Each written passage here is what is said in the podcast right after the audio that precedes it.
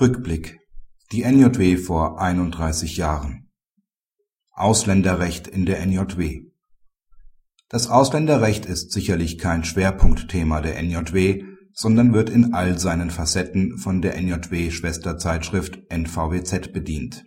Aber auch der Generalist sollte Grundlegendes in Spezialgebieten wissen.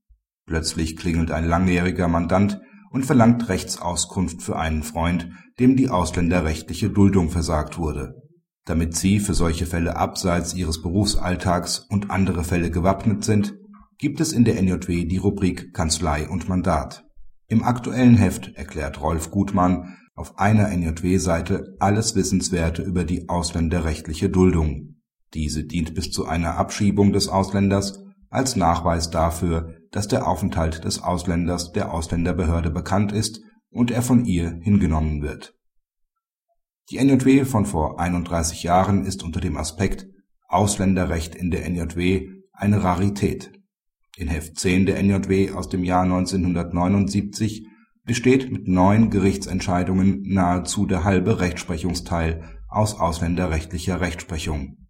Ein Grund dafür war eine für Diskussionsstoff sorgende Stichtagsregelung im Arbeitserlaubnisverfahren.